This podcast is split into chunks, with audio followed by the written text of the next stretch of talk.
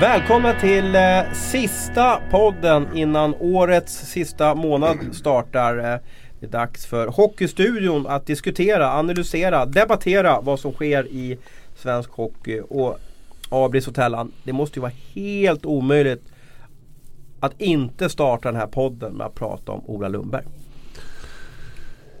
Serieutredningen, serieutredaren, ensamutredaren Ola Lundberg. Ja, vilken eh, snackis det blev i fredags va? Ja, och vad var det vad var det Abis han skulle, vad, vad, fick han för uppdrag här för, för åtta månader sedan? Han skulle se över seriesystem och kvalmekanism kan vi väl kortfattat eh, säga att han skulle göra. Skulle han fördela pengar också? Eller Nej, det handlar bara om de här sportsliga kriterierna som Svenska ishockeyförbundet då ansvarar för. Det är ju SIF som har anlitat Ola då, Lundberg som eh, till blir den här ensamutredaren och han ska ju enbart fokusera då på på det här sportsliga framförallt då när det gäller hur serierna ska se ut, hur många lag det ska innehålla, hur kvalmekanismen ska se ut och så vidare. Han la även ett förslag om att ishockeyförbundet skulle se över licensreglerna. Ja. Jag ska dra den lite, eh, lite senare här men, men Tellan eh, ur spelarperspektiv, är det här intressant? Eller är det här bara, liksom, är det bara vi vi i media som går igång på det här tycker det är fantastiskt eller vad, vad, vad säger man som spelare? Jag tror att det är rätt intressant för att se uh, vad, som, vad som händer i, med, med de här Folk vill ju ha, spelarna vill ju ha mycket publik när det drar ihop sig till viktiga matcher så att jag, jag tycker det var ganska intressant. Han höll på att tappa med de första 15 minuterna bara ja. Den gode Ola, det känns som att han somnade till lite grann några gånger där men sen, sen kom han igång Jag fick lite Crowns-varn eller Crowns-vibbar första 15 minuterna att vart är vi på väg någonstans? Om ni kommer ihåg den här berömda presskonferensen med, med det tilltänkta KHL-laget Crowns så hade de en presskonferens eh, som kanske inte gick så bra men det blev fantastiskt rolig TV. Och jag håller med dig att jag hade konstiga vibbar där i inledningen att mm, vad är det som kommer ske nu? Ska vi utöka högsta serien till 100 lag? Ja du vet liksom. Jag, man, man, var nästan lite orolig för vad, vad kommer ske. Ja absolut, när han körde de här typ powerpoint-varianterna när det kom upp ord, liksom ett ord, var det engagemang ja, eller vad väldigt, då, då, då höll han på att tappa mig Väldigt långt förspel Ja, det hade han Och det hörde jag Men det ska vara bra Jag hörde eh, på konferensen, det var ju en konferens med, med ordförande i, i distrikten eh, Då var den här eh, förspelet var dubbelt så långt där jämfört med hur det var i, ja, i TV sen då. Så att det var en, jättemånga som satt och gäspade och funderade på vart är vi på väg någonstans. Han har väl en bakgrund inom skolan va, så det kanske kommer därifrån någonting. Ja. Som rektor, var det inte det? Exakt, och det är faktiskt, vet du vem han har varit rektor för? Ja men det var väl Emil som jobbade här va? Emil Karlsson ja. Agnelius ja, precis mm. ja. Blivande digitalchef på Hent. eh, jo, eh, den här, det här förslaget som han kom fram till eh, Det innebär att eh, han tycker, och det här ska ut på remiss överallt och det ska diskuteras, debatteras och sen eh, i sommar eventuellt så kommer eh, Svenska ishockeyförbundets årsmöte besluta i frågan. Och Ola Lundberg tycker att det ska vara 14 lag i SHL och i Hockeyallsvenskan. Jag kommer bara fokusera på de serierna. Han tycker att strecken i SHL sitter bra som de är nu. Men han tycker att ett lag ska åka ur direkt. Och det här laget tas ut via att lag 13 och 14 spelar en, en loserfinal. Där eh, det laget som vinner stannar kvar i SHL och det laget som förlorar åker ur direkt. Och Hockeyallsvenskan, kanske av den, den serien som fick störst förändring. Exakt eh, samma mönster som SHL. Det vill säga 10 lag till ett socialslutspel kan man kalla det för. Eh, de två sista lagen eh, spelar en jumbofinal precis som SHL. Där förlorande laget åker ur till, till Hockeyettan. Och sedan då jämfört, eller till skillnad från idag så blir det ett långt slutspel med 10 lag. Där det laget eh, i bästa av sju matcher, det är laget som vinner spelar SHL säsongen efter. Det vill säga Hockeyallsvenska lagen eh, är garanterade, ett lag är garanterat att gå upp och de behöver inte slå ut ett SHL-lag för att, för att ta sig upp till högsta serien. Men det är också bara max ett lag som kan gå upp. Idag är det ju två lag som på pappret har chansen då. Ja och eh, du var nästan lika långrandig som Ola där. Du ja, höll på att tappa mig. Jag, jag somnade nästan. Det var en enorm utläggning. Jag hoppas att det är någon kvar nu i alla fall. Men vad säger ni om det här då? Ja, jag är jätteförvånad att det har blivit så hyllat som det har blivit. Jag tycker att det är ett ganska dåligt förslag. Varför då? Ja, men... Det är bra att du också vågar gå mot strömmen kanske? Ja, ja, jag tycker det är bra. Vi känns som ganska gnälliga och, och, nu var det ju så otroligt vad många var positiva till det här. Jag förstår inte riktigt vad det är som är så himla bra med det här. För om vi börjar med, med kval för mig, är inte kval Ska inte lag Vad menar, från... du, vad menar du med kval då? Ja för att ta sig upp till SHL. Ja, slutspel är det. Ja, Slutspel är ja det men det är ju alltså, nu är det ju ett slutspel men för mig bör det ju vara ett kval och då bör ju lag, alltså det som är hela dynamiken och det som kittlar mig är ju att lag från de olika serierna möts.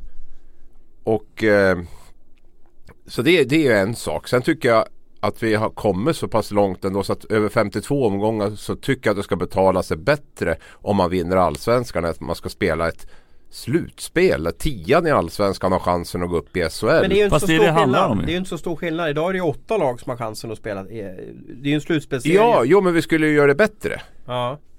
Trodde jag. Okej. Det trodde jag var själva Och hur är avgiftsförslaget då? Nej men jag, jag tycker att eh, ettan i Allsvenskan ska, ska gå rakt upp och att eh, sista laget i SHL ska åka rakt ner. Framförallt om det är 14 lag som det är nu för då finns det ju eh, verkligen lag att plocka av som inte håller måttet. Eh, och sen skulle, Du, jag ja. gärna se, sen skulle jag gärna se ett kval antingen mellan ett lag från Allsvenskan och ett lag från SHL eller kanske till och med två lag från Allsvenskan och två lag från SHL som i sin tur då tas fram via, via ett kval där. Så att gärna kval och då får man ju lite av de bästa av världar där man tycker, jag tycker sportslig rättvisa betalar sig i form av att eh, den som vinner över 52 går upp och sen får vi den här dramatiken och det här kvalet och det här som jag har älskat när lilla allsvenska lagen ställs mot de stora SHL-lagen. Nu blir det ju helt isolerad eh, tillvaro för, för de här lagen. De kommer inte ens att mötas, Hockeyallsvenskan och, och SHL. Nej men så är det och det är det, är det som jag kanske tyckte var roligast genom åren att vi har en lillebror mot en storebror. Eh, men du, du tappar ju också, om du har att ettan, precis som det funkar i fotbollen, om ettan går rakt upp. Ja precis som i fotboll, det är ju två lag. Nu säger Jo, jag men ett då lag. är det- då kan det vara jo. ganska dött Jag om- är lite trött på det här snacket som fotbollen. För det, det är inte det. Men däremot så tycker jag att vi pratar om att vi ska ha en ekonomi i balans. Vi ska, det ska vara långsiktighet. Vad kommer det här att leda till? Ska, det kommer bli någon typ av kapprustning då i, i februari där man, där man kan köpa sig till, Det var det till ett lag. var inne på.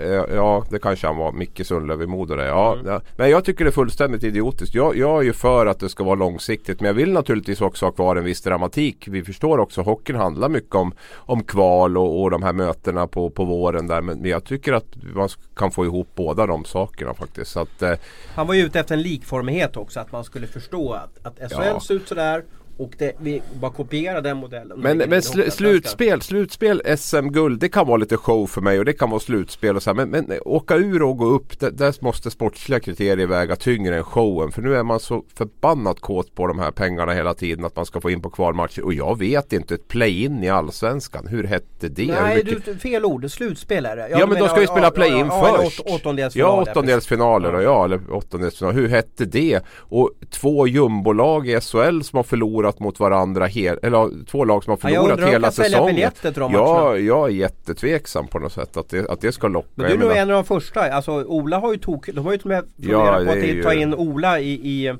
i, i regeringsbildning. Att han ska lösa talmansfrågan.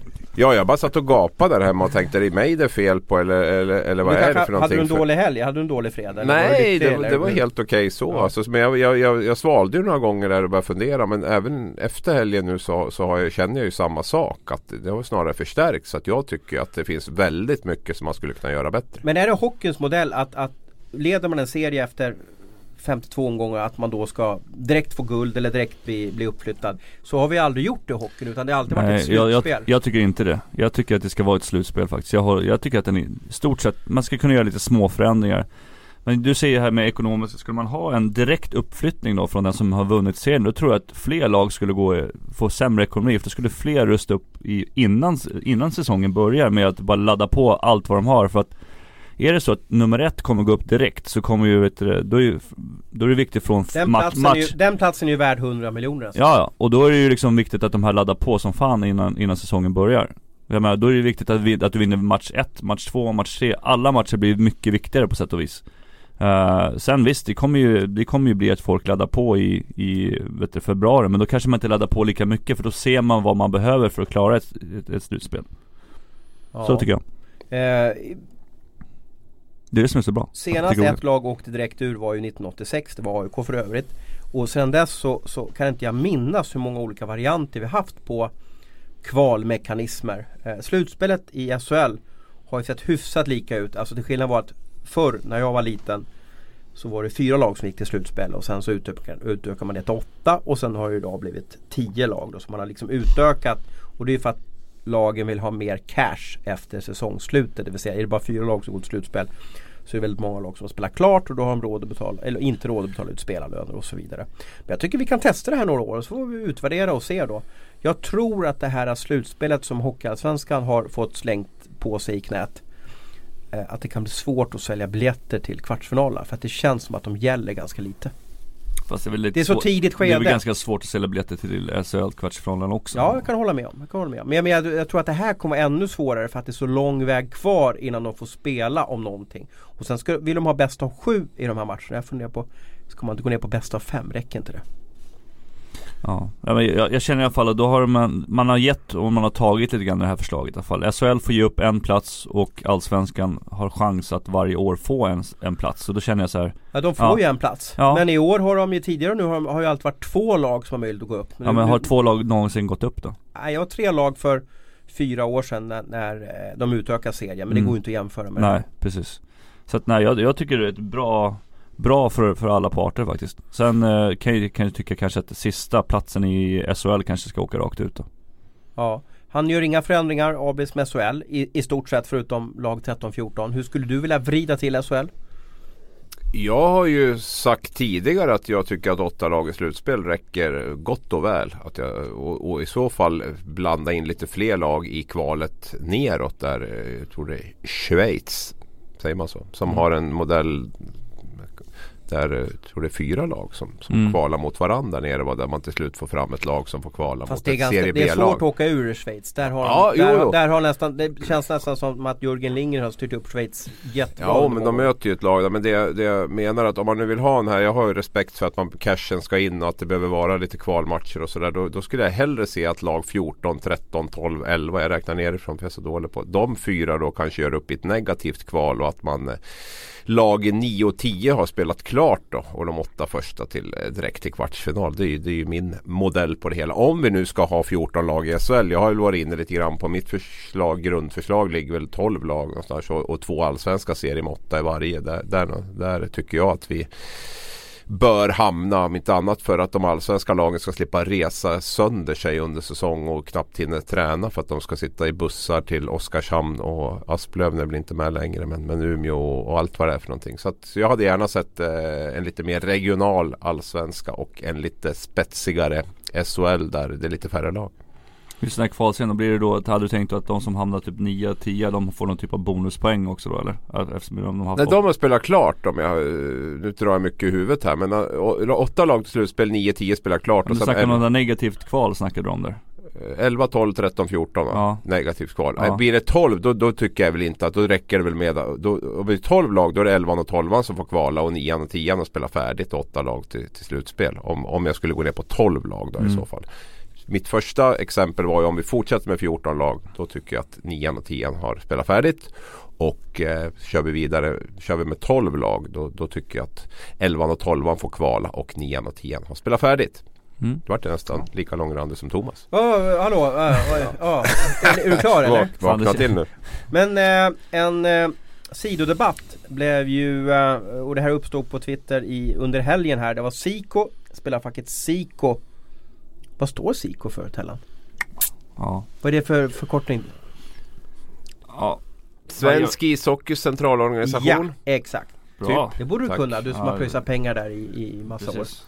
Eh, De gick ut och skrev en tweet, eh, alltså mikrobloggen Twitter om ni inte har det så kan det vara intressant. Eh, bli, gör det inte för seriöst på Twitter för det, då kan du bli uppäten.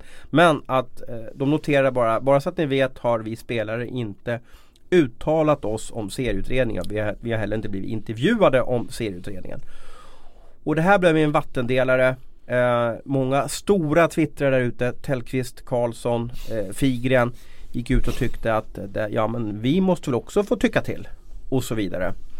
Eh, och många, eh, de fick lite, ni fick lite mothugg Tellan från, från läsarkretsen och tyckte att ja, men ni kan väl bara skriva på era instakonton eller Twitter hela tiden. Mm. Ja men så vart det och det är väl det som är så härligt med att man får tycka olika men eh, jag, Men varför tycker du att de ska fråga spelarna då? för spelarna har så stor del i eh, inom hockeyn. Eh, att de borde få vara med och tycka och tänka genom SIKO naturligtvis. Eh, Ja. Så att Sen kan man ju di- diskutera om man tycker att spelarna kanske skulle skrivit ihop någonting och gått ut och tillsammans med, med alla andra gjort någonting. Men eh, jag tycker definitivt att de borde varit med. För det gäller ju ändå spelarna också. Ja, med upp och nedflyttningar hur som helst. Men nu har ju du möjlighet att säga ditt här. Vad, om du fick vrida till Olas förslag då, vad har du för små förändringar som du skulle göra? Eller stora förändringar? Du, Nej men rent generellt så tycker jag att det är ganska bra för det är både Ja. givande och tagande från Allsvenskan och eh, från SHL. Att man ger bort en plats och man får en plats. Eh, det är ju det som fans har skrikit om också, att det börjar, det, ligan börjar bli för stängd eller vad som helst. Men nu, Ja. nu finns det ju verkligen möjlighet att gå upp och ner och samtidigt då som man så fint säger att det finns ju i hockeyns DNA det här med slutspel och sådana grejer. Att, att, att det blir ett slutspel och när man vinner då hockey allsvenskan så när man ska vara bäst som det ofta är på, på, på våren eh, när det delas ut medaljer så får man en plats i SHL. Hur roligt hade du tyckt eh, att spela en, en förlorarfinal mot ett annat SHL-lag där förloraren spelar i, ja, blir degraderade? Ja men det är väl det jag är lite inne på kanske att, att den sista i SHL kanske åker ut rakt, rakt ut då. Men är det inte Eh, skönt som spelare, framförallt du som varit målvakt, att ha en andra serve? För det här blir ju en andra serve. Det blir en andra serve, det blir det men eh, Ja jag, jag vet inte hur kul, jag, jag har sagt det tidigare också så att de här, de här kvalmatcherna är ju bara ångest för alla som är inblandade liksom. Det står så himla mycket på spel det är kontrakt och det är gud hans moster, det såg vi bara nu på Karlskrona de åkte ut Det var ju massor med spelare som hade SHL-kontrakt som nu får åka runt och spela i Allsvenskan igen så att eh, det är tufft, det är tufft för många, så därför tycker jag också att, att spelarna skulle fått med och tycka och tänka lite grann om det här för att det, det handlar om spelarnas karriärer och kontrakt också det här med upp och nedflyttning. Mm. Spännande. Tror ni att det här kommer klubbas igenom då? Det vill säga när det blir årsmötet här i juni. Tror jag att eh, Anders Larsson och styrelsen där och, och medlemmarna. Eh, jag vet inte hur, hur stor medlemskara är som går på det här årsmötet. Kommer det här, ja blir det så här? Jag tror allsvenska kommer att tycka det är ganska okej men Nej, jag- de det- tyckte inte det var du okej. tror inte det? Nej, Nej, men jag- pratade jag tror- med, med eh, både sportchefen och eh, VDn och de, de tyckte inte att det här var okej. Nej okej, ja, men jag, jag tror att det blir mothugg säkert från SHL också. De kommer nog vilja ha någon typ av kval. Eh, att, att man får en andra serve om man säger så mot, mot de allsvenska lagen. Ja. Vad tror du Abis? Kommer det bli? Eh, jag tror som du Thomas faktiskt här. Jag tror att SHL är mer nöjda med allsvenskan är med det här förslaget. Och eh, jag tror att det har ganska stora möjligheter att gå igenom i stora drag det som är, det som är nu i och med att SHL har relativt mycket makt. Eh, distrikten har mycket makt och det är ju i stort sett förbundet som har, eh, där Ola har lagt fram den här utredningen. Hockeyallsvenskan har ganska liten makt så att eh, mycket talar väl för att eh, i stora drag blir det här. På söndagen igår då när vi, när vi bandade den här podden eh, så, så skulle jag iväg och spela innebandy. Vrickade foten för övrigt. Eh, precis innan, det, innan jag, jag drog iväg där så, så skickade HV ut ett pressmeddelande att eh, man gör en förändring i tränarstaben. Johan Lindbom som för 18 månader sedan eh, hissade LeMatt efter en dramatisk match 7 Final 7 mot Brynäs i Kinnarps Arena får lämna sitt uppdrag, bli arbetsbefriad. Eh, intressant är här också att eh, HV för ett år sedan skrev faktiskt ett nytt kontrakt med honom. Så om jag, om jag har det helt rätt nu så har han kontrakt den här säsongen och jag tror, är det två år till? 1920 har han kontrakt till. Så att, eh, 1920, det blir det här och ett år till. Precis ja. Eh, det vill säga att för ett år sedan så tyckte de han var duktig, eh, HVs ledning, Johan. Och eh, eh, eh, och sådär så att, så att ja det är lite, lite oväntat att det blev blev en förändring där. Och det innebär, de gjorde också en, en Brynäs-lösning om man får kalla det för det. Det är ju andra klubbar som gjort det tidigare än Brynäs. Det vill säga att ASS-tränaren Stefan Lilleslund tar över eh, headcoach-jobbet och Niklas Ram flyttas väl upp från tredje tränare till, till andra tränare. Eh, det är väl den stora förändringen. Blev du förvånad Abris? Jag säger som vanligt både och. Eh, resultaten har ju inte alls varit eh, som man hade förväntat sig från HV. Även om jag hade tippat dem en bra bit ner i tabellen så trodde man inte det skulle vara så här dåligt. Å andra sidan så har vi väl känt att Johan Lindbom har haft ett en ganska stark ställning i klubben. Inte minst efter SM-guldet. Så att, att det skulle, hade någon sagt till mig i augusti att eh, han skulle få sparken så hade man väl inte riktigt trott på det. Men eh, som det har utvecklat sig och som man ser den här trenden att det är många som drar i den här livlinan. Det är en enkel lösning. Eh, sportcheferna klarar sig undan lite grann på att de har värvat ihop dåliga trupper i många, många lag. Nu säger jag inte bara HV utan eh, man får en kortsiktig lösning ofta. Man räddar säsongen på det här och, och, och då gör man det. Sen kommer väl baksmällan oftast eh, efteråt. Det är ju inte direkt eh, lag som sparkar tränare i parti och minut som är framgångsrika i svensk hockey. Vi kan väl ta Skellefteå, Frölunda, Växjö som, som tre exempel. Hur många tränare har de sparkat senaste tioårsperioden? Det är eh, Janne Karlsson i Växjö kommer jag på så här på raka Men det har gått väldigt bra för dem. Ja, jag vill säga det. Alltså, de här klubbarna som Modo, Brynäs är där nu, HV där. Eh, Storullians på tränare. Det, det blir inget bra. Jag kan säga det på en gång. I längden blir det inte bra.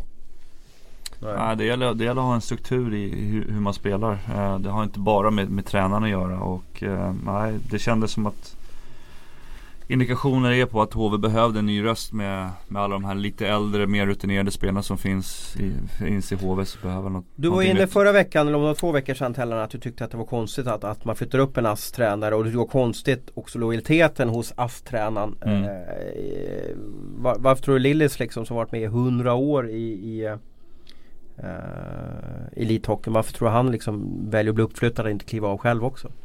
Nej, det är som jag, som jag sa då, jag får lite dåliga vibbar alltid när det är så här, För det, det, är ändå de som har jobbat tillsammans under längre tid och så helt plötsligt då så, så kommer ASS-tränaren och tar över. Uh, här har ju Lillis varit med under en längre tid också så att nej det, det är klart att Men det är, det är en enkel lösning under, under kort period uh, De sitter, tittar säkert på någon uh, annan lösning inför, inför nästa år Men eh, just nu så är det det här de har Vad ska HV vrida till då?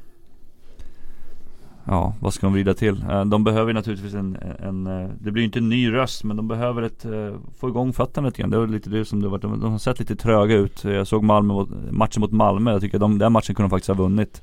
Eh, de spelade helt okej okay den matchen så att eh, det, det är väl lite så här stolpe ut just nu för, för HV. Det HV behöver få igång är målskyttet. Alltså det är ju helt frapperande. Man har gjort minst mål i SHL. Man har 43 mål. Mora och Timrå har gjort fler mål än, än HV. Örebro har gjort fler mål än Timrå. Eller än HV. HV är sämst skottprocent av alla lag i SHL. HV har ju tredje sämst powerplay i SHL. Det är ju, offensiven är ju det är ju där den stora utmaningen och det är det som förvånar mig lite för Stefan Lund har ju ändå haft ganska stort ansvar offensivt. Han och Johan Lindbom är de som har haft offensiven. Nu ska han gå in och ha huvudansvaret. Ja man flyttar upp Jonas Holmström då från J20 som är en skicklig skridskotekniktränare har jag förstått det som. Sen är jag inte helt hundra på hur, hur, vilka förmågor han har att få fart på, på HVs eh, offensiv. Det är, ju, det är ju ingen hemlighet att HV skjuter mycket och så men, men man har ju väldigt svårt att, eh, att göra mål. Få in pucken tycker jag i, de här, eh, i det här heta området där så många mål görs. Ja det blev en korsig debatt om, om HV71 det vill säga att de ändå på något sätt lite för matcherna om man kan säga att man för en match att man skjuter mycket skott. Eh, kan man lita på det att ja men de spelar ändå bra fast de förlorar? Nej det kan man ju inte göra och framförallt inte över 19 eller 20 omgångar utan Corsin har ju visat sig över tid att det, att det är en bra fingervisning på, på om lag är framgångsrika eller inte. Däremot finns Vad det ju alltid... Vad menar du över tid? Ja en säsong åtminstone om vi räknar på det då. Men ska man kolla på HVs Corsi statistik för förra säsongen då eller?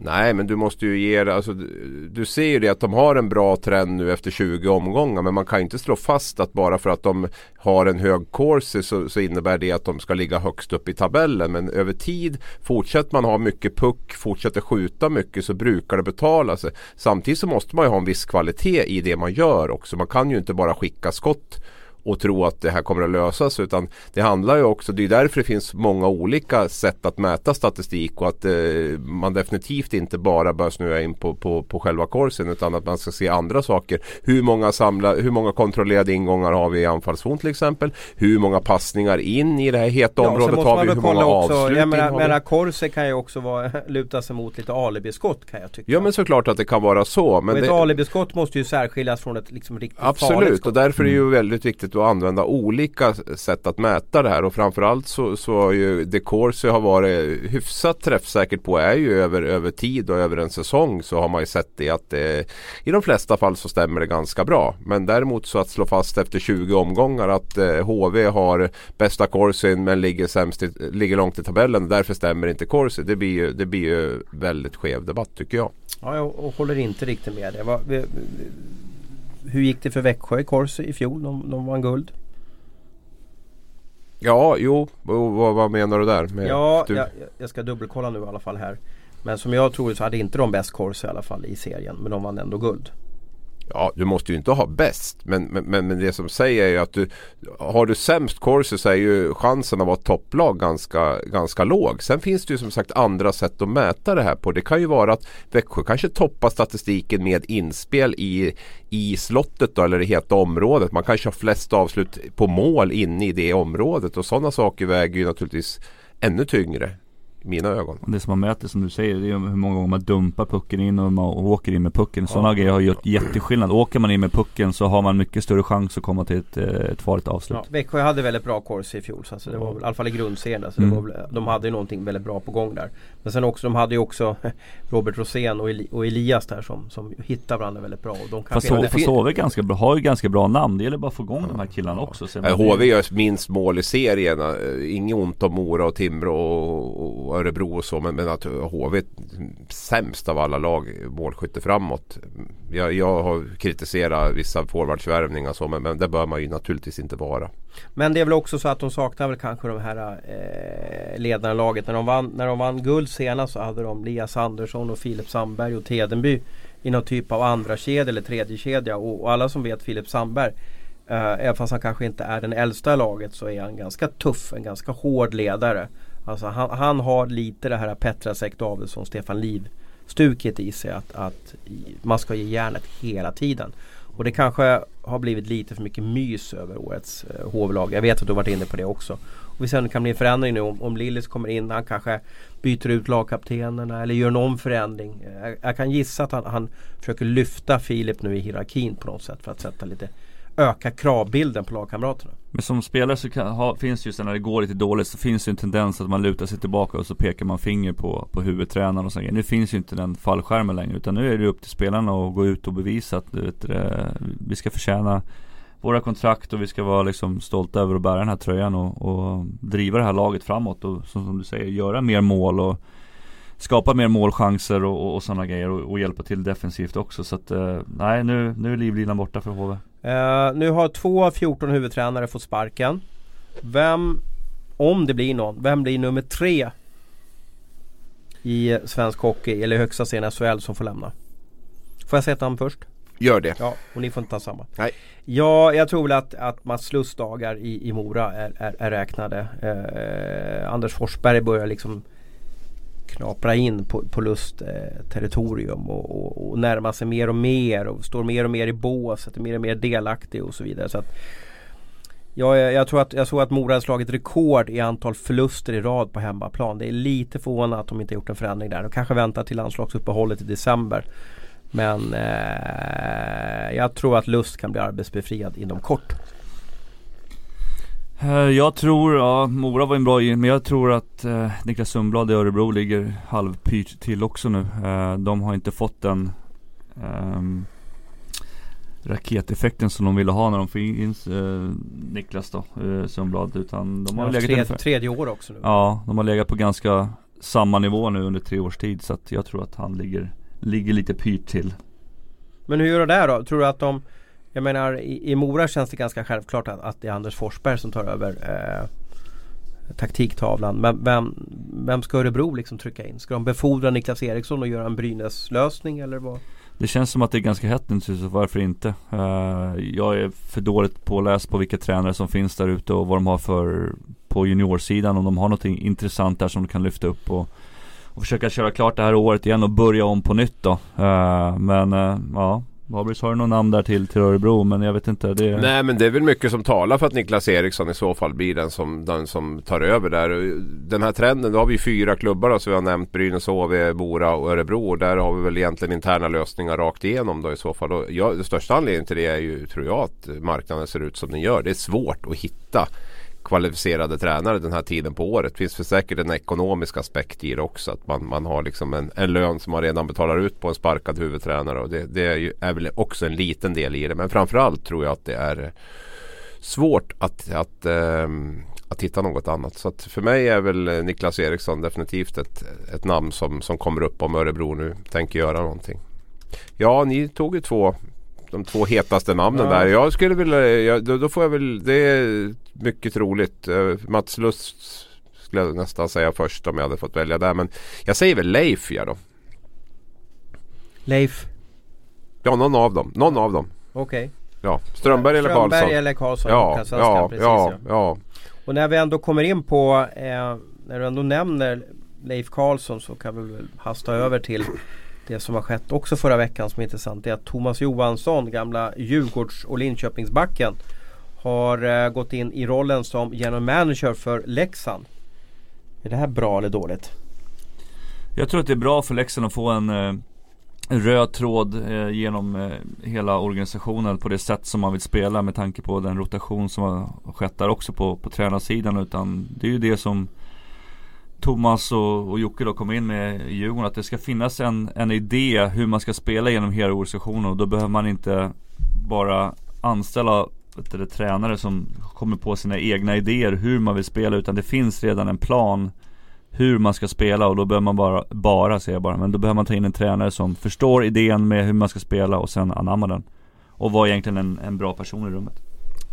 Jag tycker att det är spännande lösning av Leksand måste jag säga. En av de piggaste lösningar Leksand har, har gjort på länge. Om Thomas Johansson orkar jobba så hårt som det kommer att krävas och om det fungerar att inte vara på plats i Leksand hela tiden. För om jag förstått det rätt så ska ju han veckopendla. Ska veckopendla och bo på Leksands Resort, campingen där. Det är ju ja. så att det äh, äh, finns inte så mycket hus eller lägenheter. Just nu i, i Leksand kanske blir en förändring om några år där i Leksand. men, men, just nu så, så, tvingas, eller ja en del tycker nog att spelarna bor i campingstugor och de har även tryckt in Thomas Johansson där i en campingstuga. Uh, ja, jag håller med. Det är en utmaning att, att, få ihop det med familjelivet här i Stockholm och så vidare. Men utöver det så, så, är det den typen av sportchefer med de visionerna och de instrumenten och, och så som jag tror att eh, är lite framtidens sportchefer faktiskt. Där man sätter en spelidé och där man har en, en, en ja, en tydlig grundidé hur, hur föreningen ska uppträda och hur föreningen ska spela. Men ska han komma in nu och, och, och liksom riva upp golvet och, och förändra allting? Ska man inte bara komma in och analysera och sen till nästa säsong ha en femårsplan. Jo men det, det, det fördelen tror jag för honom, eller vet, det måste det ju vara, är ju att han har gjort den här resan med Djurgården. Han vet ju att den fungerar och han behöver ju inte börja från noll så att säga. Utan här handlar det ju om att, att genomföra mycket av det de har gjort i Djurgården. Sen finns det ju alltid nyanser mellan olika föreningar och så. Men jag tror det är en otrolig trygghet både för Leksand och för Thomas att, eh, att det har visat sig fungera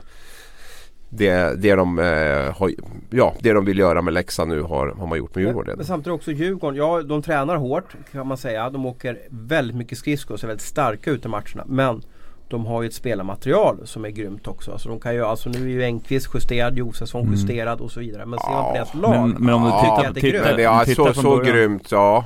Ja du kan fortsätta tälla. Ja nej, men om man tittar på spelarna som de plockade in i år också så är det ju bara att titta på vem trodde att Benström skulle göra den här poängen? Vem trodde att liksom Lilja eh, Ja du har eh, Alsing också som back, ja, som mm. trodde liksom. Så det har ju liksom, man föds ju in i det här systemet att man måste jobba hårt för att utvecklas och, och känner man då att man utvecklas så får man ju självförtroende ja. Och får chans att spela med puck, det är det folk vill göra liksom. ja, Jag håller inte alls med det där riktigt. De har plockat in ett par toppnamn, de har gjort med Enqvist och Josefsson men, men om man tittar på och så här, Dick, Robin, Dick, Dick, Dick ja. jag har knappt spelat. Alltså Robin Norell skadat gods, Tom Nilsson skadat gods, Jesper Pettersson. Alltså de backarna som har tagits in där, det, det var ju knappt något annat SHL-lag som ville ha det. ser ju bara sådär ut också. Så ja men de och man får alltså, behålla ja, SHLs bästa målvakt Adam Reideborn. Ja det har man väl gjort. Det var väl ingen som ville ta i tång Reideborn heller efter att han har varit i Modo i stort sett. han kunde ha signat med NHL förra sommaren. Ja jo men Djurgården har ju utvecklat spelare. Det är det det är frågan om. De utvecklas i den miljön. Jag tittar på de här backarna nu som spelar väldigt mycket sarg ut under Tellans tid så ser man ju på dem att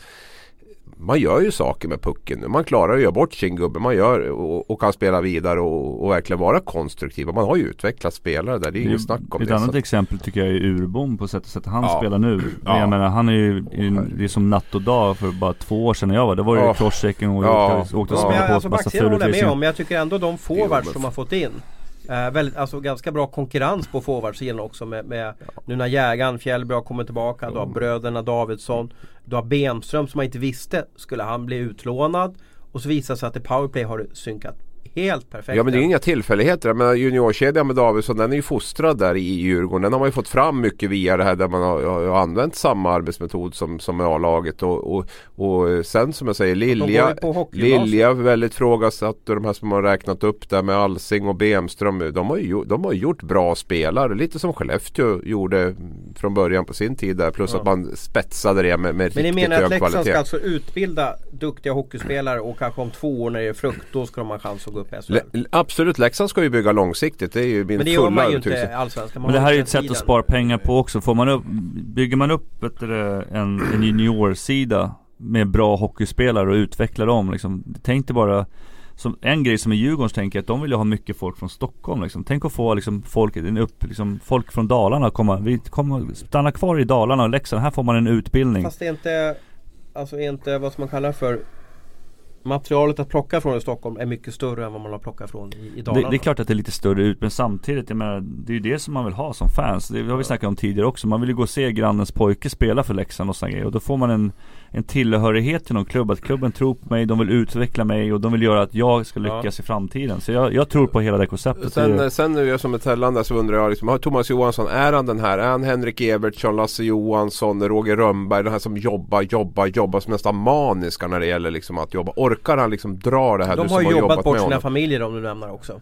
Ja det vill jag inte gå in på men det kanske, det vet du bättre än mig i så fall. Men jag tror väl Roger Rönnberg har fru och barn i alla fall. Men, men, men han är inte sportchef? Nej, nej men vad, vad, vad, tror du där? För det, det är ju sån, har han den jag, jag tror Tjomme kommer behöva någon som stöttar honom definitivt. Det kommer han göra om man ska veckopendla fram och tillbaka. Och sen, men det Tjomme är bra på att en väldigt tydlig idé. Han är väldigt noggrann med det han gör. Och just det här med statistik och grejer, det är ju sådana grejer som man älskar att hålla på med. Sen vet jag inte hur pass bra han är på att bygga lag och sådana grejer. Det var ju det som, det var ju Jockes jobb i Djurgården. Uh, så det är ju, det är en, det är en fråga uh, som man behöver ställa naturligtvis. Men det vet väl alla. Har man, gör man någonting som man tycker är riktigt kul så blir det inte jobbigt heller. Nej, Nej precis. Han, han sa tre saker som jag tyckte var bra i en intervju med DT. Där Thomas Johansson som måste läsa upp angående det här med spelfilosofi. Då säger han nummer ett. Man ska ha en utvecklande spelfilosofi. Två, man ska ha en framgångsrik spelfilosofi. Tre, man ska, har en, en filosofi som folk tycker är roligt att titta på. Alltså utvecklande för spelarna, den är framgångsrik över tid där man vinner matcher och den är rolig att titta på. Jag, jag kan känna igen mycket i det här med Djurgården jag, när jag ser dem och jag är så långt ifrån en stockholmare man kan vara men jag tycker att de spelar en rolig ishockey. Samtidigt är det där, ja, han säger det bra och lyckas han med det så jättebra. Men det är ju lite så som alla vill ha det. Alla sportchefer vill ju bygga ett lag med produkter från närområdet. Alla vill spela rolig hockey. Har du någon gång De har bevisligen lyckats. Har du någon gång hört ett, en, en sportchef säga eh, vi ska spela en negativ och tråkig hockey? Nej det har jag väl inte gjort. Men, men jag har ju sett många som har misslyckats i alla fall med, med att spela rolig hockey och utbilda spelare. Så det, det har jag gjort. Och där har jag väl sett att Djurgården har ju hittat någonting i alla fall som gör att Skillnaden här är väl också, om jag missförstår mig. Alltså oftast är det väl tränaren som sätter spelidén. Och här är det liksom att det finns en spelidé i hela organisationen. Så att kommer det in en tränare så behöver han inte liksom ha sin egen spelidé utan det är den här idén, alltså den här Det är därför jag menar, ska han börja applicera det här direkt? Är det inte bättre att vänta till nästa år? Alltså... Han kommer ju börja applicera små grejer. Uh, det var ju det som hände när, när säcken var uh, i Djurgården också. Du var ju med, du var ju ja, där. jag var med under den tiden. Men då men gjorde man ju lite små justeringar hela tiden. Man ökade träningsdosen, man började tänka på ett speciellt sätt. Och sådana grejer. Så att, uh, ja och sen Men visst var det så att år ett så gick det inte så bra för Djurgården? Jag, jag minns att jag gjorde någon intervju med dig där och, och vi pratade lite och, och ni, ni, hade väl någon bra session Men sen så dippade laget Uh, första året från när vi kom upp från, uh, från Allsvenskan så gick det ju väldigt bra fram till december. Uh, sen, ja. sen, sen vart det den här klassiska som jag tror Timrå och Mora går igenom nu också. Det här med att det blir tufft liksom och de andra lagen och börjar Men var det inte så att ni tränade för hårt också? Att ni var trötta? Ja men det året så var det faktiskt inte så mycket farligt. Då Jocke de var inte, Jocke spelade ju fortfarande då, det första året. Och andra året så la Jocke ner och gick över på sport. Det var då det började liksom, det var då det började de titta på andra på, tränare i Djurgården och sådana grejer. Så säcken var väl kvar för att täcka upp lite det året liksom. Uh, för att de inte hade något namn klart. Ja, jag menar på att det kanske tar lite tid. Ja men det tror jag Leksandsfansen måste vara van, alltså Alltså då måste de nog tänka efter att det, liksom, det kommer inte hända något, det kanske inte kommer gå upp till SHL direkt nu utan, utan det här är ju det är en lång process. Det är bara att kolla vad Djurgården har varit nu. Det är väl var det två eller tre år sedan de började med det här liksom. Uh, och nu ligger de på den här nivån. Så att, men det, det, det är det tid det tar. Sen kommer det vara upp och nedgångar. Eh, ett år kanske går bra, andra året kanske går mindre bra beroende på hur många spelare som försvinner och sådana grejer. Det viktigaste för Leksand är ju absolut inte att ha bråttom. Det har man ju testat så många gånger förut. Det viktigaste är att skapa en framtidstro. Att, att alla som jobbar runt klubben och alla sponsorer känner att det är en positiv trend. Att det går uppåt. Det kanske inte går jättefort men, men att det ändå finns något och, så verkligen blir bra Jag håller tid. med dig. Jag håller med dig. Det är ju det som är det bästa. Och om man väl skulle halka upp att man är mogen för att man är beredd på vad som kommer ske. Men igen, förklara för sponsorer, fans till dag i Allsvenskan. Vi ska inte ha bråttom, vi ska gå upp om några år. Ja, men då, då, då blir det ju halshuggen. Ja men det handlar lite om hur det ser ut också. Om kommer upp i egna talanger, spelar man en underhållande hockey och, och vinner eh, fler matcher än man förlorar i alla fall så, så tror jag inte att det måste, måste, måste gå upp direkt. Utan då, då, då ser man ändå att nej, men det här är på rätt väg och det är väl det man vill se med Leksand. För det finns ju en grym potential i den, i den föreningen om man kan få ihop den sportsliga biten.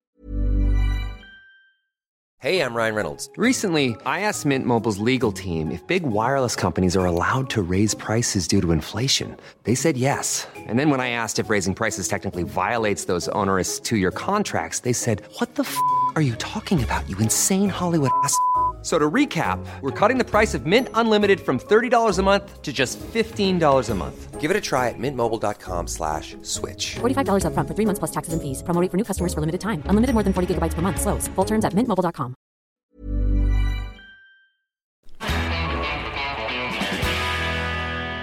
Ja pojkar, nu får ni välja. Vill ni köra quiz? Eh, det var ju succé förra veckan. Tellan vann med 2-1 mot Abis, det vill säga svarade rätt på tvåpoängsnivån. Eh, och Abis på ett poängsnivån. Eller vill ni köra tabellspaningen? Där vi går igenom, eh, ja vi kommer fokusera på SHL-tabellen just nu. Vad vill ni, vad vill ni göra? Jag säger nog quiz. Jag tycker det har varit så mycket så här tunga, långa. Vi behöver nog eh, lätta upp lite med en quiz tror kan jag. Kan vi tänka nu efter allt det här? Succéquizen, kan ja, man säga det? Jag har pluggat eh, spelares husdjur nu hela veckan. Så mm, jag ska ja, det kan jag säga att det är bra gjort. Det är jättebra gjort för att det kommer att komma upp ett husdjur även idag så att säga. Liksom. Men vi ska kolla, vi har ju, vi har ju på sociala medier här Eh, hur folk trodde att det går. Det vill säga vem som är favorit. Vi ska bara dra upp den för att se om vi hittar på det här hur tabellen är just nu. Eh, ni har ju fått rösta på Twitter här i alla fall. Det kanske inte var miljoner som valde att gå in och rösta då. Men, men, men eh, just nu 59% tror att Tellan vinner och 41% tror att Abris vinner. Hur känns det att ha favorittrycket? För det hade du nog inte förra veckan Tellan. Många djurgårdare som lyssnar på oss tror jag. Mm. Ja vi får se. Men vi eh, hoppar väl in direkt och eh, Ja, eh, det är kanske lite På spåret-aktigt det här utan, men, men eh, eh, Det är alltså första ledtråden är värd 5 poäng och den sista är 1 poäng och jag kommer läsa upp alla ledtrådar för att ni lyssnare får vara med på den här resan också. Och eh, Abris och Tellan kommer skicka rätt svar eh, när de känner att de kan det här eller tror att de kan det där på sms till mig. Så, 5 poäng. Är ni beredda? Ja, så beredd som man kan vara. Absolut. Ja. Född 1986 i Väckelsång. Första ordet som huvudpersonen sa var krabba. Personen har aldrig gjort mål på Tellan. Pissenkelt. Krabba, det borde man ju ta det på.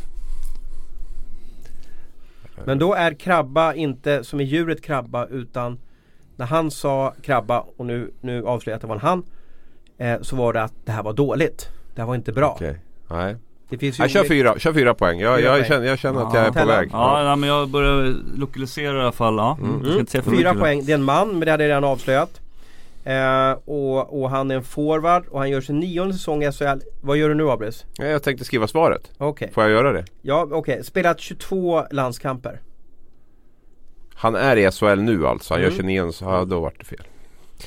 Han är man, han är forward, gör sin nionde säsong i SHL och spelat 22 landskamper hittills enligt Elite Prospect. Uh, ja, ja, jag chansar. Va? Sätter press. Nu har ni pratat ihop er, garanterat. Va? Nej, jag, må, jag måste gå på attack. Det här kan bli fel. Det här kan bli fel. Men uh, ja, jag måste jag måste chansa. Jag kan inte åka på förlust två gånger i rad och hamna på en poängsnivå. Jag har kört. Jag har svarat. Så jävla dålig på namn bara. Namndyslektiker. Ja men kör nästa då. Och då kommer huvudpersonen själv läsa upp eh, eh, trepoängsnivån här då. Jag har ett fint spelsinne, sägs det. Hade en magisk säsong i Västerås 08-09. Första husdjuret och enda hittills är hunden Nixon. Namnet kommer från att alla i familjen skulle ha ett namn på en. Pissenkelt. Det står helt stilla. Jag vet att jag har rätt på fyra poäng. Jag får ner på en, en poängsfrågan på mig tror jag. Du, du kan inte trean eller? Nej. Nej. Då tar vi tvåan då.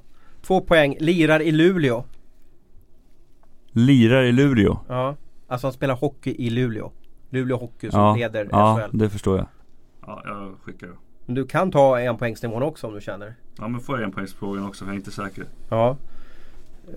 Ja fast du får ju chansa på två poäng. Vi kan ju också räkna ihop era poäng och så avgör vi en, så avgör vi liksom en stormästare när säsongen är slut. Så att, eh, jag ska inte pressa dig, du får, väl, du får göra som du vill. Ja men kör en poängsfråga Ja. också. Eh, denne Niklas har haft lekstuga i många anfallszoner med Per Ahlbrandt. Mm. Hörde du, hörde du besviken? mm. Jag vet inte hur man stavar det men. Ja, vad duktig den var. Vi har eh, två rätta svar. Eh, Niklas Olausson var den som vi efterlyste idag. Och Abris tog det alltså på fyrpoängsnivån och Tellan på eh, enpoängsnivån får jag säga då. Mm. Ja. Ja. Vad, vad var det som gjorde att poletten föll ner? Väckelsång. Jaha, du tog men det var ju redan på fem poäng. Ja precis, men jag, jag höll på att studsa lite där. Jag tänkte först, jag, det var ju smålänning då, då tänkte jag först Robert Rosén där faktiskt. Men sen var det något på fyra där som fick mig att eh, tänka på Larsson. Jag kommer inte ihåg fyra poäng när jag läste det men det var, det var någonting. Jo han, hade, jo, han spelade SHL fortfarande, så Ja. var det. Så att då, då sprack ju Rosén och sen har han gjort 22 landskamper. Det kändes ungefär som Olausson. Ja just det, ja, bra. Ja. Ja, Väckelsång var jag lite orolig för om Ja. jag skulle Ja. ta med det. För det, det är ju ingen... Är ju... Jag vet att han alltid gör bra matcher mot Växjö. Gör massa poäng mot Växjö och så när han kommer hem och han har kompisarna på plats där och mamman och pappan. Ja, och jag, sådär, vet, jag, jag pratade med Niklas i helgen och då, då frågade han om Leifby var med. Eh, För han, han sa att säger du Väckelsång så kommer Leifby direkt veta vad det är för något. För det är visst en grannby till, till Leifby Ja det är nära uppväxt. Tingsryd eller Ja. sånt. Jag har ju bott där nere i Blekinge så att jag har lite koll på geografin där nere. Ja men vad kul och hoppas Ja, att det var ni jätteskönt. ly- lyssnare Bra också, lyssnare fick, eh, fick gnugga era geniknöl i alla fall. Eh, och det här fortsätter vi med, eller hur? Absolut, det var jättekul det här Ja, var skitkul. Mm. Fortsätt. Kan vi ta några målvakter någon gång eller? Vi får se vad vi kan hitta på, vad Fadde Fora kan trycka fram. Tabellspaningen. Eh, ni uh, lyssnare vill att vi pratar mer om, om tabellen och eh, eller vad vi tycker har varit viktigt i, i senaste veckan och då har vi visserligen gjort med serieutredning och HV71 och så vidare. Men nu ska vi prata lite mer kanske med det som sker på isen. Och eh, om vi nämner SHL idag så har ju alltså lagen spelat 20 matcher och Malmö och Linköping har spelat 21 matcher. Så vi har, vi har inte en tabell just nu den 26 november som är i harmoni. Men om ni ser tabellen, eh, vi börjar med Tellan. Vad, vad tycker du om den? Vad är, du- vad är du förvånad över och vad, vad är du så att säga lycklig över? Lycklig över? Nej men någonstans så blir jag faktiskt lite lycklig över att Malmö ligger så högt upp med tanke på deras eh, Varför då? Det är ett lag som kanske inte ger så jättestort avtryck i hockey. Nej men de har ändå tänkt lite annorlunda i år jämfört med flera andra lag Sänkte ju sin budget, Sänkte sin alltså. budget, valde bara att ha svenska eller inte svenska spelare men de valde att alla ska förstå svenska omklädningsrummet. Eh, bara en sån grej tycker jag är ganska coolt eh, 2018 liksom. Eh, och där har ju Alltså ska man sätta ut någon MVP än så länge så tycker jag nog att Peter Andersson i, som tränare i Malmö har gjort det fantastiskt bra. Eh, med, med, det, med det gänget han har där och får dem att driva i stort sett varje kväll. Eh, det, det, det, det är häftigt faktiskt och jag menar, de, eh, de borde inte ligga där. Det var, vi var ju ett sånt lag när vi kom upp. Det var så här som en klassisk, vad brukar man säga, humlor. De ska inte kunna flyga men de gör det ändå. Så att, eh, det är väl lite det jag känner om Malmö också. Tror ni att Malmö som lag har svetsats sammans av den katastrof och tragedi som Jesper Mattsson har varit med om? Absolut, det är jag Mm. helt övertygad om. Och Erik Forsell hade ju också en tuff period, lagkapten förra året med, med, med sitt barn. Så att eh, de här sakerna har definitivt svetsat ihop laget och jag tror Malmö också har använt det om man kan säga så då, för, att, för att svetsa ihop laget och, eh, och göra gruppen enormt stark. Och det är ju inget snack om att det är det. Det är ju, det är ju intressant. Det är ju två lite ska man säga, gnuggarlag som, som ligger i toppen. Man, man undrar lite grann hur länge det ska hålla för Luleå och Malmö. För jämför jag med Djurgården och Frölunda som ligger närmast efter så tycker jag väl att det är de två lagen som har visat den största spetsen så här långt. Medan Luleå och Malmö då har väl varit de två starkaste kollektiven. Men eh, jag undrar hur länge kollektivet står emot den här eh, spetsen som ändå Djurgården och Frölunda tycker jag har. Kan man säga att Malmö har haft lite stolpe in också? Jag, jag, jag räknar till att de har sex segrar den här säsongen på straffar och på övertid också. Det är många poäng. Tar man bort 6 poäng där så är de nere alltså på ja, nästan, då är de på plats 10 i tabellen. Mm. Straffar är ju en skicklighet också. Och, Bry och Brynäs har sex Som förluster powerplay. på straffar och förlängningar och inte vunnit en enda. Ja, match då hade Brynäs nästan är varit kanske sex. legat i Ja, toppen. nej men det är väl klart att det inte är, det är väl klart att det inte är tur. säga. Det, det, är väl, det är väl, de har väl spelat ihop sig till, till dem. Sen är väl någon, någon av segrarna kanske och någon av förlusterna kan man väl räkna på tur och otur. Men i det stora hela så, så de här tabellerna och sammanställningarna ljuger ju inte över tid. Men det som är häftigt också, de åkte ju på en riktig jäkla käftsmäll här mot Skellefteå för några, några matcher sedan. De torskade med, var det 9-0? Och, jag menar, och sen kommer tillbaka och, och liksom fortsatt hitta tillbaka till spelet. Eh, sen när man följer vissa av spelarna på, på Instagram eller vad som är så verkar det som att de, de, de har kul tillsammans. De verkar hänga rätt mycket med, med varandra. De åker inte bara till träningen och så åker hem bara till sig utan de, att de försöker Försöker åka fika eller vad det nu kan vara liksom. Och det, Och de det är rätt inga- ovanligt i de har- storstäder. Är jag taskig som säger att de inte har några stjärnor? Ja, kanske Nej, förutom men det är, så är det ju. Det Mm. har ju inte några stjärnor. Det kan vi väl vara ärliga med att säga. Däremot har de ju lite som Djurgården tycker jag också byggt mycket på lite Malmö-spelare Mm. där med, med och då räknar jag in Köpenhamn i det området också. Eller dans, danskarna som är där också. Att det, det, det är rätt ovanligt där. Men det är många, många spelare som är från, från området där. Och det tror jag också är en medveten strategi som man har eh, som också har hjälpt till att man går väldigt bra. Luleå är ju också ett sånt lag som har skeppat iväg väldigt mycket utlän, utländska spelare. Brendan Mickelson och Ryan Johnston fick ju liksom sparken här inför säsongen exempelvis. Man har skickat iväg flera utländska spelare sen, sen Thomas Berglund kom dit. Så att eh, de två klubbarna jobbar väl, jobbar väl ganska lika. Jag tycker väl Thomas Berglund och eh, Peter Andersson, två bra tränare som dessutom har, eh, framförallt i Malmös fall, en väldigt bra komponerad tränarstab som, som jag tycker jobbar väldigt, får ut maximalt av, av materialet. Hur långt kan det bära? Eller, eller fel, vi, vi ställer frågan så här. Vi, vi släpper Malmö lite. Men när du ser tabellen Abris. Vad känner du för något? Att det här är ju häftigt. Det här måste vi prata om. Det här är underbart med årets SHL. Nej men det är ju mycket det vi har pratat om tycker jag. Det är lite spetsfart kontra, kontra. Alltså, jag- man funderar lite grann på Djurgården, Frölunda. Hur står det sig mot Luleå, Malmö i ett slutspel? Jag tycker Växjö är en kombination av de här sakerna. Växjö är lite maskinmässigt men har ju också en spets i det de gör. Så att eh, de här fem lagen för mig. Eh, Skellefteå lite osäkert på hur, hur de kommer att få ihop det där. Men, men eh, och som har en väldigt bra trend Skellefteå sista Ja, de har väldigt bra trend. De förlorade mot Växjö senast. Eh, Så att jag skulle vilja säga, jag tror att Djurgården, Frölunda, Växjö. Jag tror att Luleå och Malmö får svårt ändå att vinna tre matcher i ett slutspel där. Malmö har visserligen visat sig vara ganska bra slutspelslag. I alla fall en kvartsfinallag har man varit bra. Sen har man haft det tuffare i semifinal. Så, så har det ju varit. Eh, Men i kvartsfinal har man ju varit en mardrömsmotståndare. Man slagit ut både Frölunda och Växjö i, i kvartsfinal. Topptippade lag. Men sen haft inte riktigt orkat i, i, i semifinal. Jag tror för att lyckas så Luleå gjorde ett väldigt blekt slutspel förra året mot Brynäs där i åttondelen. För att lyckas gå längre så tror jag att du behöver ha mer spets än vad de här två lagen har. Mm. Jag vill nämna lite Rögle också. Vi har varit inne på det tidigare. Men att, att de var ju, när vi gjorde podden för några veckor sedan. Eh, så var vi helt inne på att eh, ja vad händer? Ska de kicka Abbots? Alltså, vi drog i alla krislinor eller, eller alltså krisrubriker som fanns. Och nu har de spelat upp sig och på något sätt liksom ja, några poäng till och de är topp 6 och så vidare. Och det, jag tycker att det är väldigt sällan man ser ett lag Jag menar Rögle är ju inte Skellefteå om man säger så. Även fast de har hyfsat De har en del stjärnor i laget där. De har värvat ganska starkt också.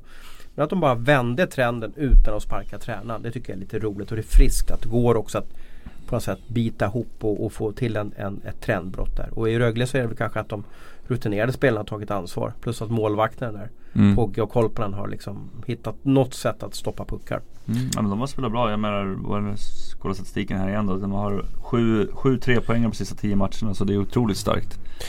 Det är ju bra att du tar upp Rögle Thomas. Det är ju, jag var ju väldigt osäker. Man var i ett riktigt kritiskt läge där med en orutinerad tränare som inte riktigt har fått med sig laget. Man eh, hade en ny förvärv som var tänkta toppspelare som inte var på isen. Man hade en jättedålig inledning som jag kände att det kommer nog att krävas att man bygger om laget lite grann för att kunna klättra i tabellen. Nu har man har ju inte gjort det heller utan man har, man har kört vidare på sitt och, och tagit enormt mycket poäng på eh, på de här senaste tio matcherna om vi, om vi räknar på ett sånt streck. Jag tror att en anledning är att eh, det jag hör från Ängelholm är ju att Cam Abbott fick ändra sin ledarstil lite grann. Att han fick, det var mycket Blev där. mjukare, hänga ut- eller? Ja men lite så. Alltså sluta hänga ut spelare. Men, men, men vem, vem kunde ändra honom? För han har ju brorsan som sportchef. Kommer från spelargruppen där och man har nog tagit till sig en del av det. För hur det än var så var det ju inte bra. Jag hör också en spelare som vi har varit lite kritiska mot där med Ted Brithén. Han att han har tagit, ja och dessutom tagit väldigt stort ansvar på sidan av isen. Att han har varit den som kanske har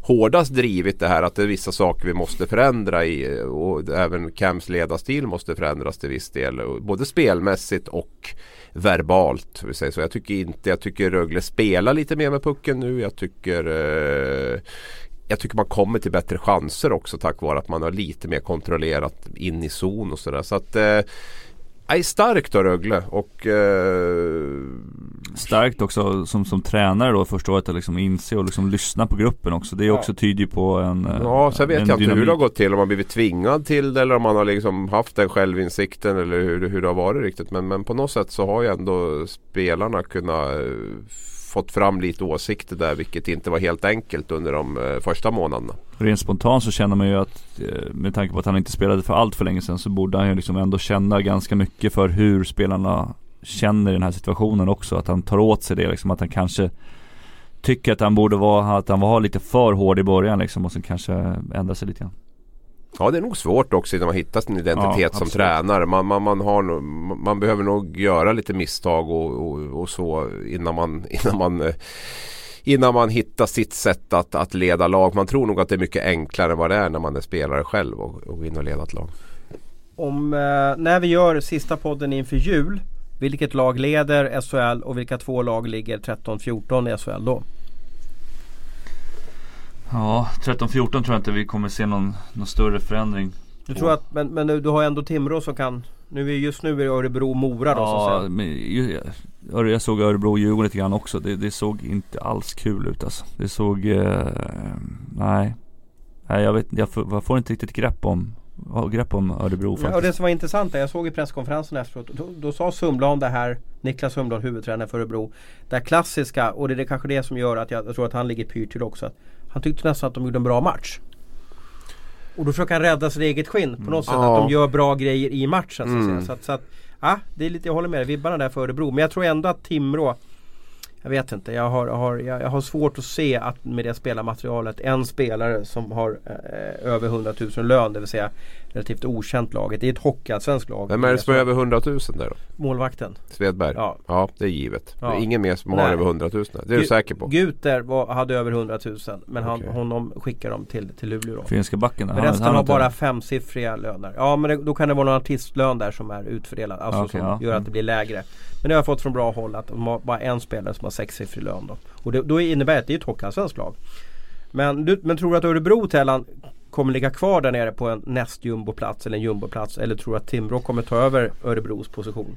Ja om de inte gör någon förändring så, så, så det ser lite tufft ut alltså. Jag får, jag får liksom ingen grepp om Örebro. De har ju de här Näckyve och här, tar, de någon ansvar alls liksom? Och kliver fram och inte bara gör poäng liksom. Eller är de bara där för att de ska spela av sina Och kontrakt? vet du vilket lag eh, Örebro möter nästa match? Den är svår. Växjö kanske? Ja, det är inte rätt alltså. Mm. Men vilket lag leder. SHL då när vi gör vår julpodd? Ja. Är det jag som ska svara igen? Ja, Ja, jag kan säga Ja. Djurgården då. Ja du säger Djurgården. Ja. Jag bara slipper Tellan säga Djurgården där så att det Det blir samma hela Djurgården. tiden. Ja. Nej men Djurgården är, är väl ett bra eh, tips. Nu får vi se hur länge, länge Jo- Jakob Josefsson blir borta och hur, hur de drabbas av ett eventuellt eh, JVM-uppehåll där. Vilka får de med till JVM du som är bra? Benström lär väl komma med va? Ja det måste vara Bemström där på. Det, det, är väl, det är väl enda jag kan komma på just nu. Jag har väl inte eh, Davidsson-bröderna är ju för gammal där och eh, så det är väl, det är väl Bemström bara. Jag får väl ta en Men snabb han har ju nyckelroll i, i powerplay. Han står ju Jo men nu pratar vi juluppehållet va och då, då, då men hinner vi är med till juluppehållet. Ja, Eller hur långt pratar vi nu? Jo jag vet men det är sex matcher sen som han blir borta igen i alla fall. Ja men det är efter vi Men har igen, satt våran tabell. Ja julpodden då är han säkert med i alla fall. Vill ni fortfarande höra eller ska jag skita i det? Nej men säg, du är, du är med här. Du är med Lilja. Du är viktig för oss. Ja, tack så mycket. Schysst. Uh, Frölunda säger du? Frölunda. Ja bra, bra. Vilka tror ligger jumbo då AB? Så är ganska tråkigt. Ja men jag kör Mora och Timrå då. Mm, perfekt, perfekt. Ja men då har vi eh, Då har nog P.O. Larsson avverkat en mil Och vi har gjort vår våra 60 minuter här i poddstudion och vi börjar kännas lite färdiga med den här veckan. Och tack för att ni lyssnar på oss och tack för att ni är med oss och tack för att ni stöttar oss på sociala medier. Vi hörs igen.